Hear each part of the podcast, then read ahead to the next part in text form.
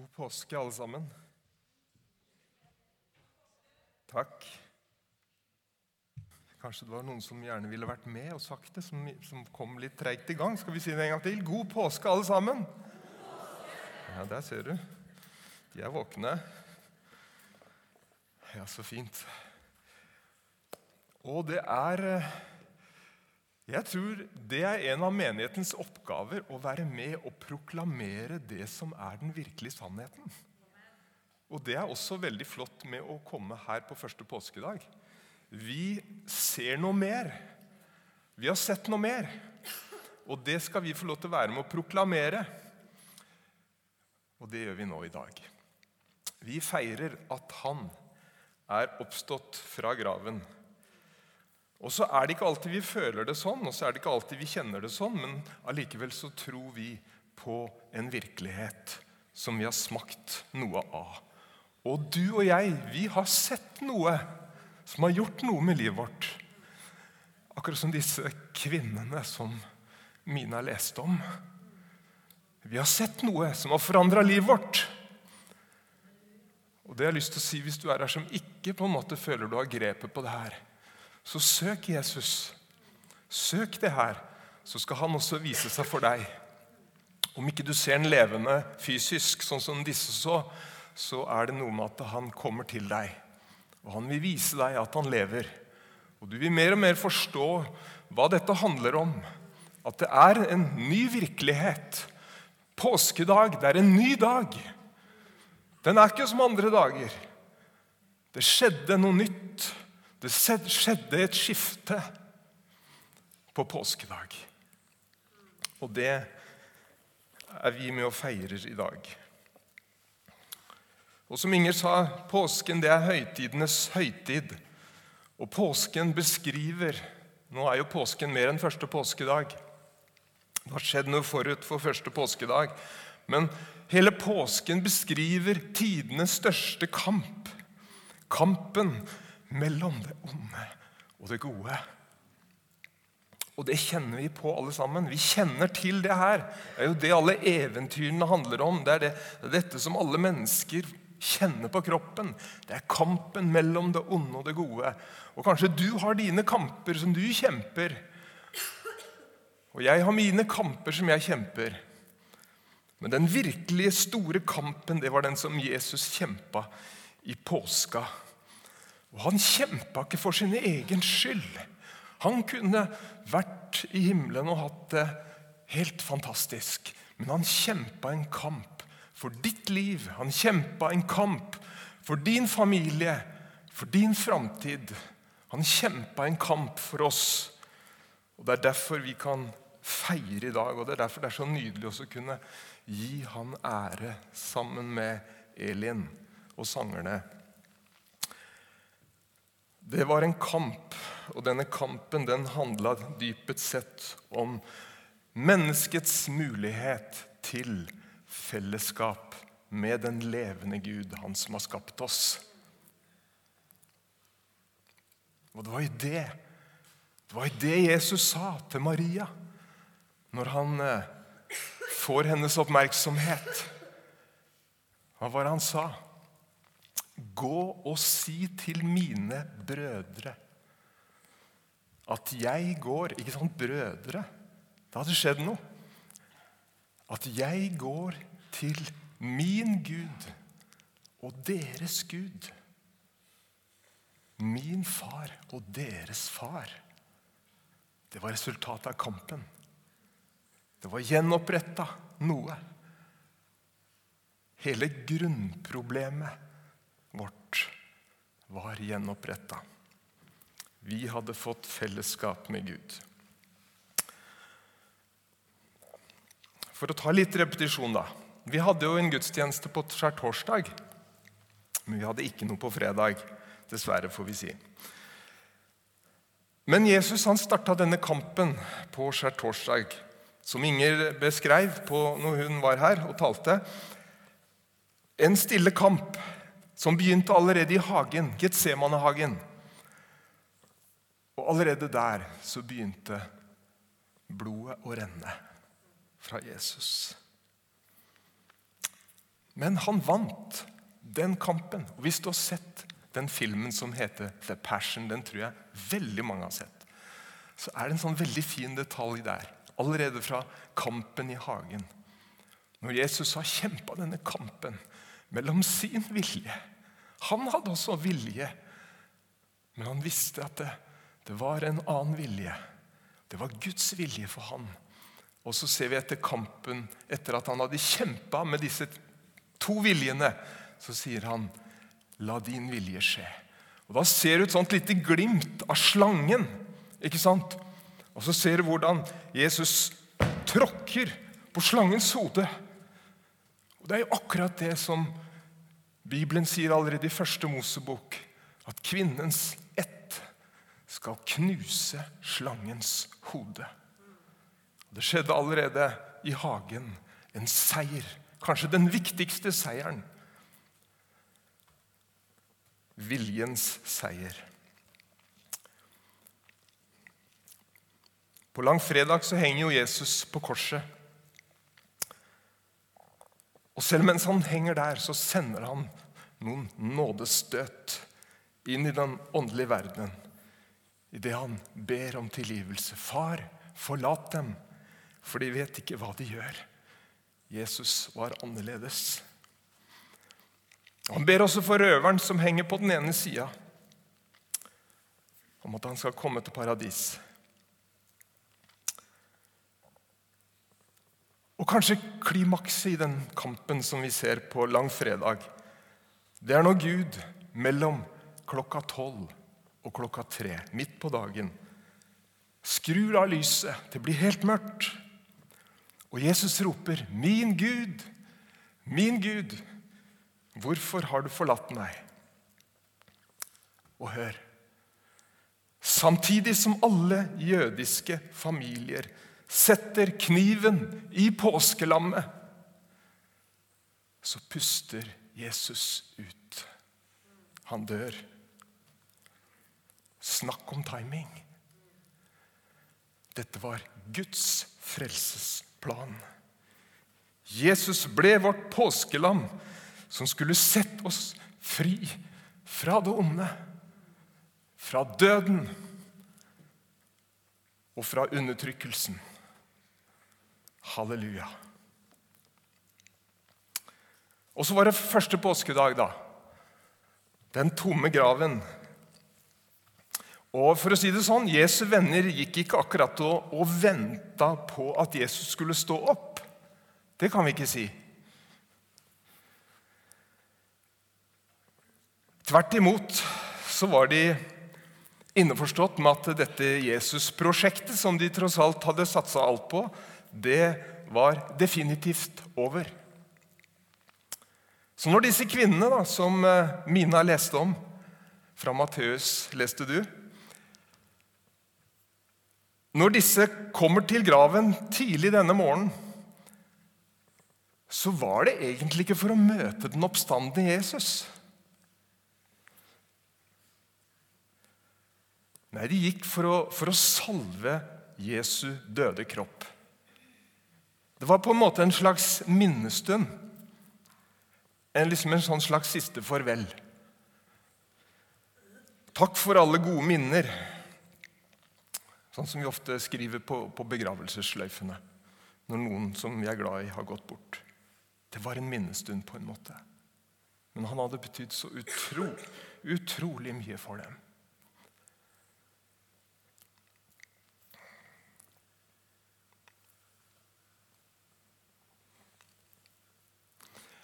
De som trodde mest på det her, det var vel egentlig Jesu fiender. Jeg tror ikke du leste det, Mina, men litt før der så, så står det om overpresten og fariseerne at det, de gikk til Pilatus og så sier de, 'Herre, vi er kommet til å tenke på hva denne bedrageren sa da han ennå levde.' 'Etter tre dager blir jeg reist opp.' Så de, de, de tenkte på det her at du skal ikke se bort fra at han kommer til å stå opp igjen. Det er utrolig at de trodde mer på det enn en, en, en Jesu, Jesu, venner og Jesu disipler. Jeg må si litt om oppstandelsesdagen. Og Markus han beskriver hvordan denne dagen begynner i kapittel 16. Da står det sånn Da sabbaten var over, kjøpte Maria Magdalena og Maria Jakobs mor og Salome velluktende oljer for å gå og salve ham. Tidlig om morgenen den første dagen i uken kom de til graven da solen gikk opp. Og Jeg må nødt til å si noe om dette. For når Markus sier at eh, de kom til graven da solen sto opp Så er klart at det, eh, det var ikke fordi Markus hadde så veldig behov for å beskrive været denne dagen. Jeg tror det var, et, det var et større poeng. Det lå noe dypere i dette her. Og, og eh, I Salme 97, vers 6, så står det Himmelen forkynner hans rettferd og alle folkene ser hans herlighet.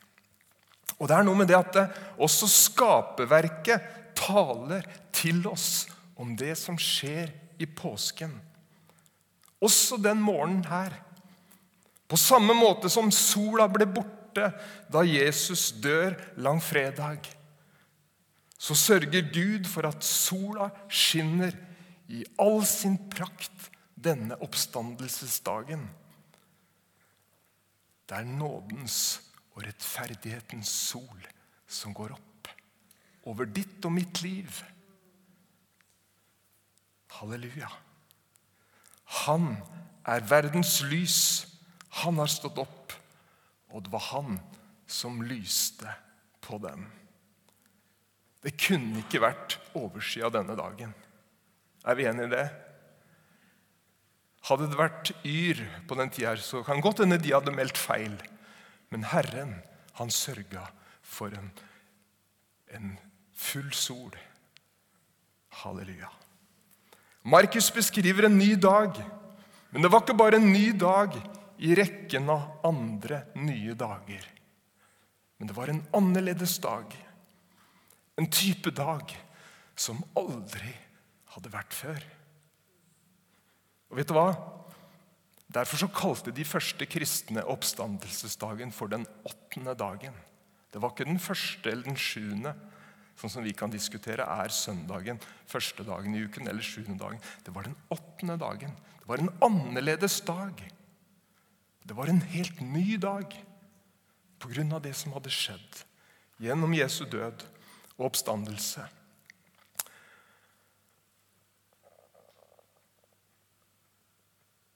Og ehm, det blir veldig tydelig, også det jeg sier nå, når vi leser Johannes kapittel 20. Når Jesus møter disiplene bak de stengte dørene, så står det at eh, han blåste på dem. Ta imot Den hellige ånd. Hva var det? Det var noe helt nytt. Eller på en måte så var det ikke helt nytt. For det er det samme som skjedde i første Mosebok, når Gud hadde forma mennesket og blåste livet inn i menneskets nese. Det er det samme som skjer her. Han begynner på en måte på nytt. Med en ny dag, med et nytt skaperverk.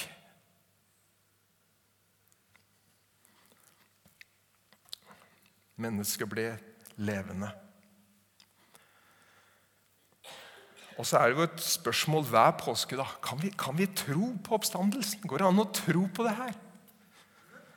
Og De gjør jo sånne undersøkelser hver påske.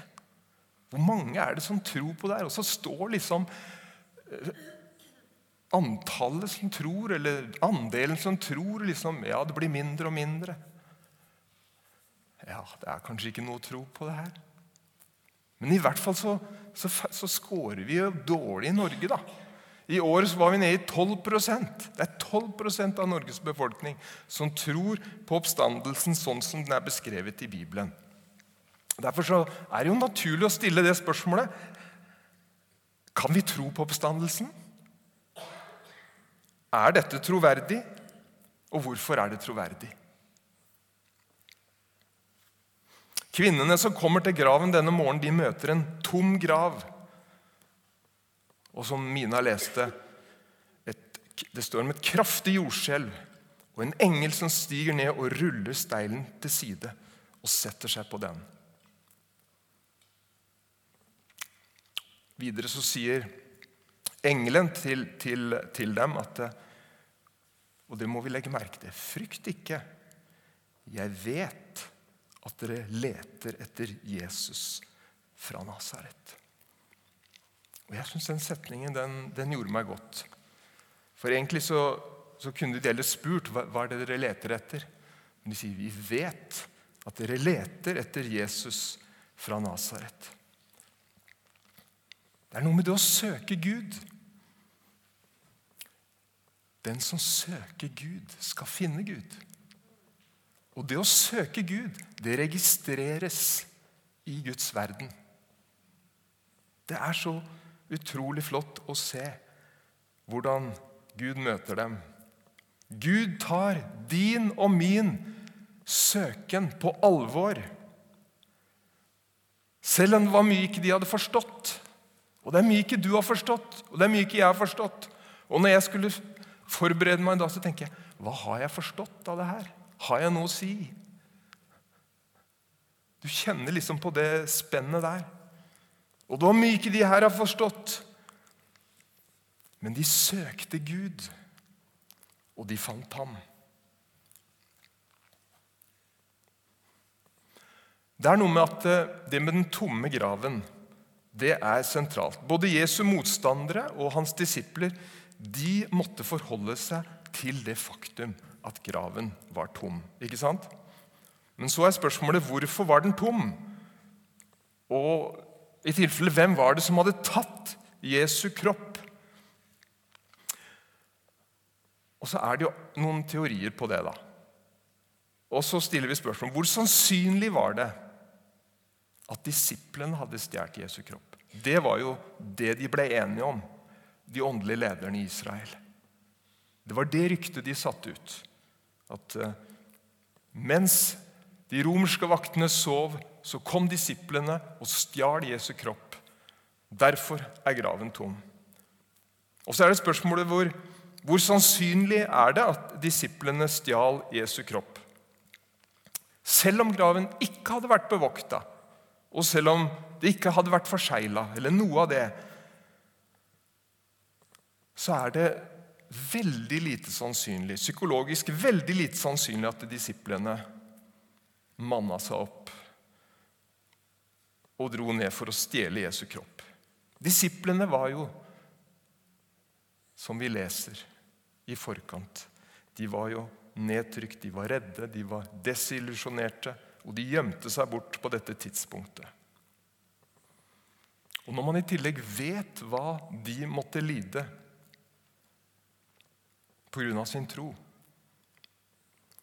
Av tortur, pisking og mange av de døde så virker det veldig lite sannsynlig at de ville holde ut alt dette for noe de visste ikke var sant.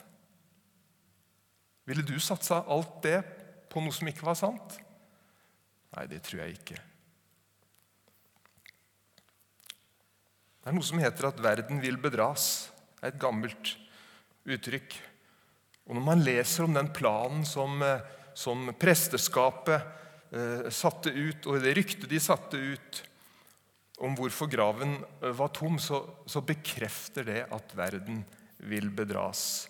Si at disiplene hans kom og stjal ham mens dere sov. Det er veldig tynt. Allikevel så sto det her at dette ryktet har holdt seg til denne dag. Det er helt utrolig. Det er Noen ganger virker som det er lettere å få folk til å tro løgnen enn å få folk til å tro sannheten. Og så var det noen som hevder at det var myndighetene som stjal Jesu kropp. Det er også en veldig lite sannsynlig teori. For dersom, dersom det var sånn, Hvorfor viste da myndighetene ikke fram Jesu kropp for å knuse det ryktet som disiplene hadde satt ut? De kunne jo vise Jesu kropp og si se her, her, her er han, han er død.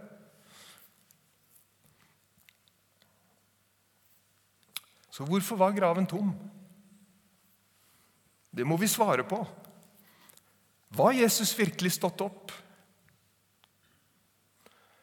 Husk den samme engelen som eh, rulla steinen til side for at kvinnene skulle se den tomme graven.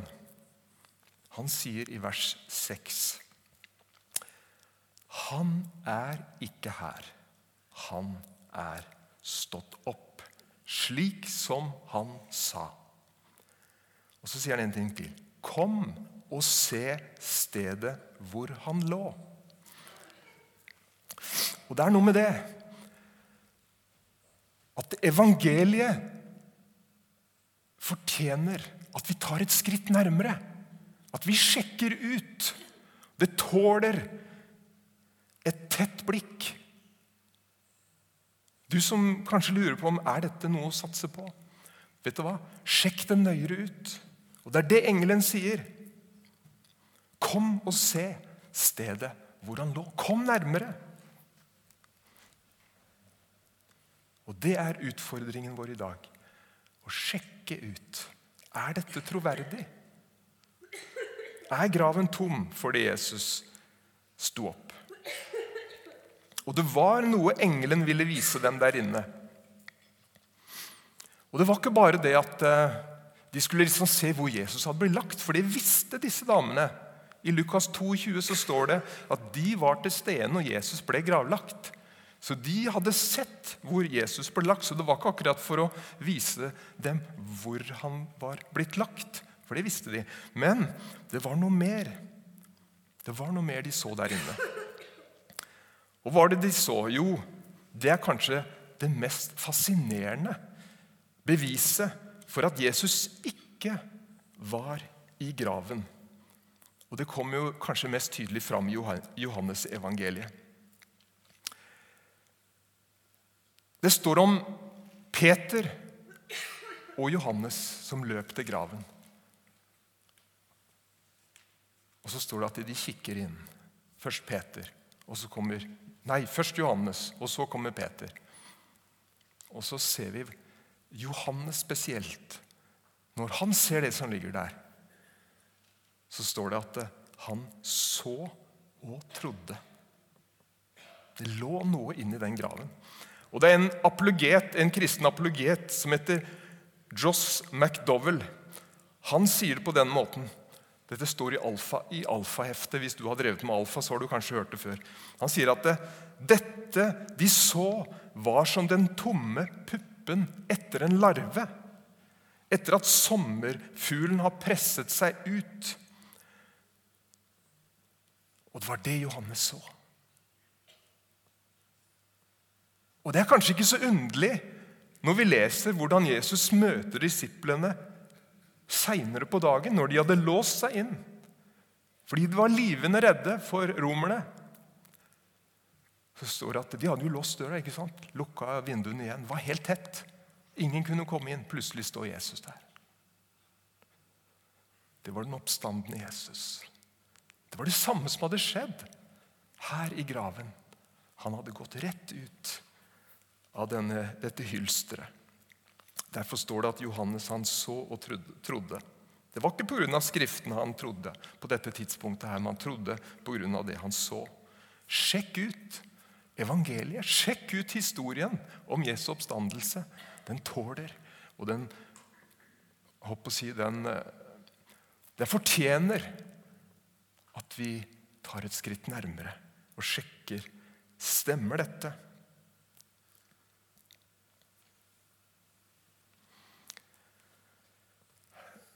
Disse kvinnene, da, de også var jo tett på. De så også dette. Det er ikke sikkert de la så merke til det. Det virker ikke som det virka på samme måten for dem. Og Sånn er det kanskje noen ganger. at det, Vi har for forskjellige veier til tro. Noen er veldig intellektuelle. De må ha det inn på den og den måten. Mens andre trenger det på andre måter. Er ikke det litt fint at det er sånn? Vet du hva? Gud ønsker å møte deg sånn som du trenger å bli møtt.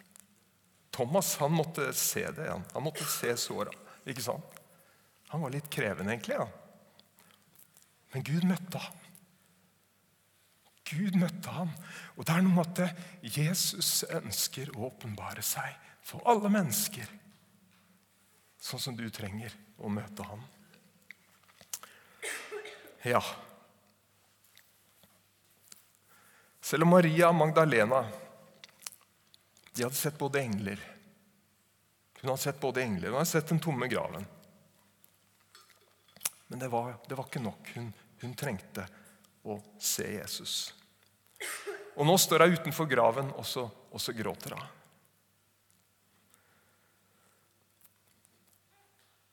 Men idet hun bøyer seg inn i åpningen Det virker som hun sto litt på utsida, så kikker hun inn. Så får hun se to engler som spør henne, 'Hvorfor gråter du?' Ja. Og Så snur hun seg litt, og så plutselig så ser hun Jesus. Hun skjønner ikke at det er Jesus. Og Så gjentar Jesus det samme spørsmålet, og så sier Jesus også, 'Hvorfor gråter du, kvinne?' Og, det, det er jo det store spørsmålet på påskedag. Hvorfor gråter du? Det passer liksom ikke å gråte på påskedag. Dette passa veldig dårlig. Det, det, det, ser jeg. Men glem, glem det der. Dere, ikke hør det akkurat nå. Det passer veldig dårlig å gråte på påskedag. Og jeg tror veldig mange ville slutta å gråte om de hadde forstått påskebudskapet.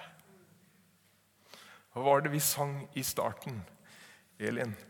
Påskemorgen slukker sorgen. Slukker sorgen til evig tid. Så sier Jesus navnet hennes. Maria, sier han. Og da er det jo noe som skjer. Og jeg håper å si, det er, det, er noe, det er noe fint når folk sier navnet vårt. Og Kanskje særlig når det er folk som vi vet, og som vi kjenner fra før. Det var noe gjenkjennbart. Og så er det noe med det at det, du og jeg, vi trenger å høre Jesus si navnet vårt. Det er liksom det personlige ved det kristne budskapet. Og det er noe med at han er så stor at han kan komme til oss, og så kan han si navnet ditt. Og så er det noe med at det, det gjør noe med oss. Fordi vi opplever at det, vi er sett av Han som elsker oss. Og Det er jo noe av det som Johannes skriver om når han skriver om den gode hyrden. Er det ikke det? I kapittel 10 i Johannes så, så snakker jo Johannes om den gode hyrde som kaller sine ved navn. Og så sier han noe mer. Og så sier han at eh, Og sauene kjenner igjen hyrdens stemme.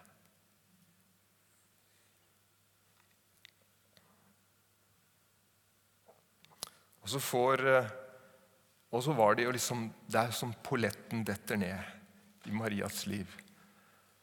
Og så sier hun 'Rabuni', mester.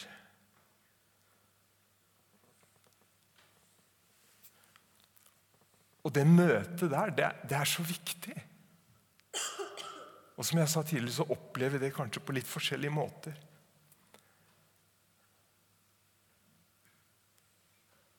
Men det er liksom noe med det Når Maria kommer til eh, disiplene, så sier hun at eh, 'Jeg har sett Herren', sier hun.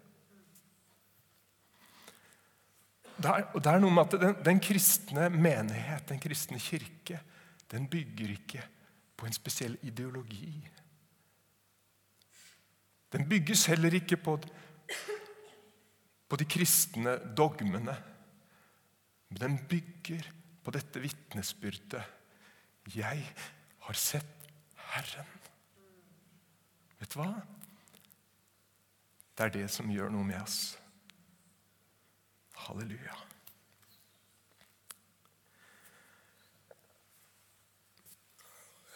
Og så har jeg lyst til å si litt om det er kvinnenes rolle i, i, i påske, det som skjer i påsken.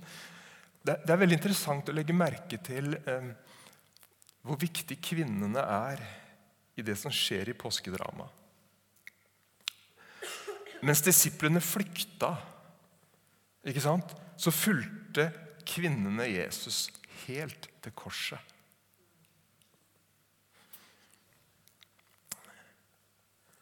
Kvinnene de ble også vitne til Jesu begravelse. Hvor han ble lagt, hvordan han ble lagt. Og de samme kvinnene blir nå de første vitner til at graven er tom, og til at Jesus har stått opp. Tenk på dette. Var det ikke du som sa det, Inge, at dette er verdens viktigste budskap? Også i den kulturen her, som var så mannsdominert, at kvinnene hadde ikke lenger De var ikke troverdige vitner i det profane. Så velger Gud disse kvinnene til å gå med verdens viktigste budskap. Er ikke det utrolig? Fantastisk. Så jeg håper det er en litt sånn Det er kanskje ikke noe problem lenger i Norge? Er det det? Nei, men i hvert fall så, så er det utrolig flott å se hvordan Jesus bare bruker dem han vil, til å formidle dette budskapet. Og det at kvinner ble de første og avgjørende oppstandelsesvitnene, det er jo et utrolig sterkt argument imot at oppstandelseshistorien var en oppdikta historie. For hadde det vært det, så hadde de aldri brukt kvinner. Ikke sant?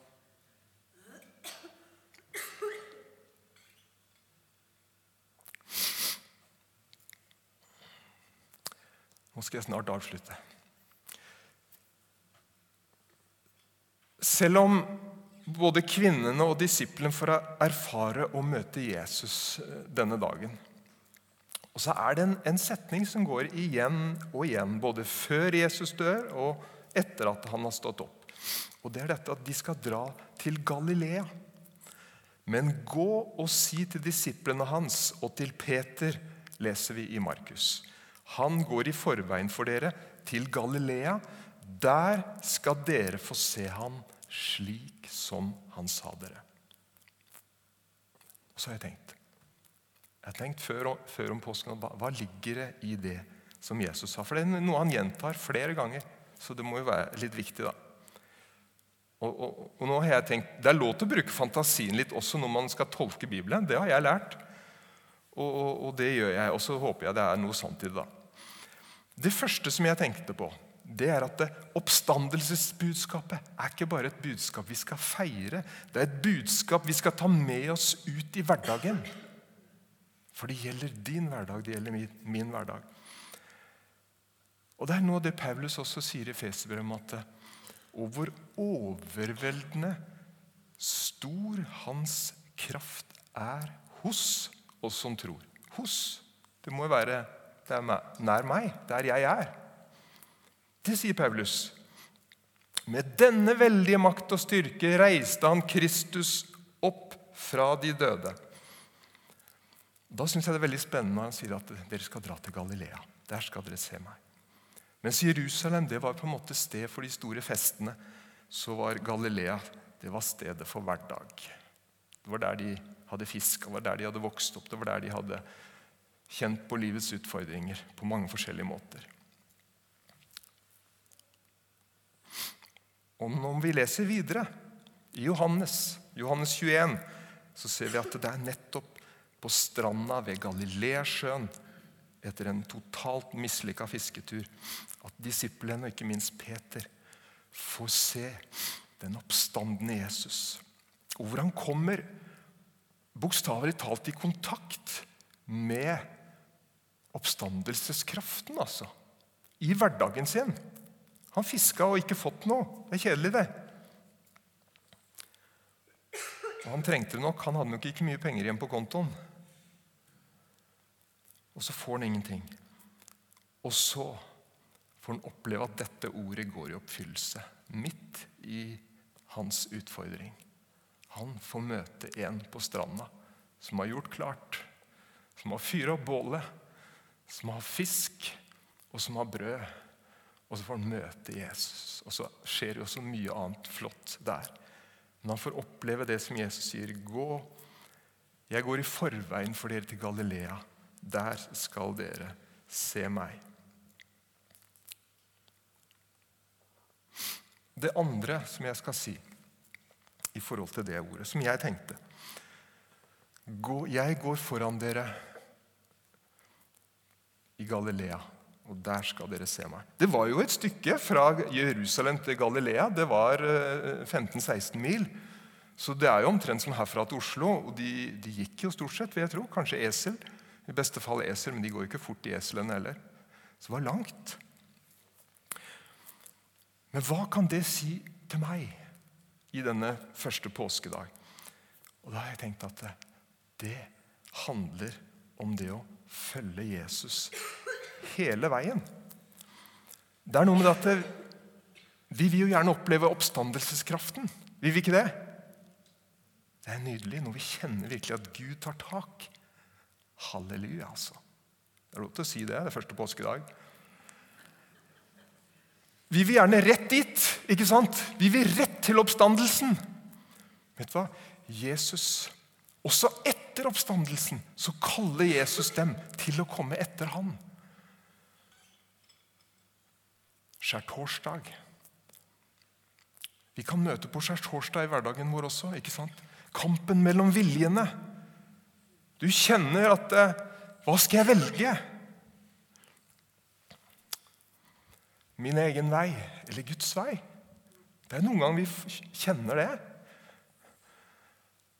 Og Vi kan oppleve langfredag også. At det er ting i livet vårt som dør. Som du mister, på en måte. Men vet du hva? Alt som dør etter påskedag, får nytt liv. Er ikke det nydelig? Alt som dør etter påskedag, første påskedag, får del i nytt liv fordi Jesus har seiret over døden.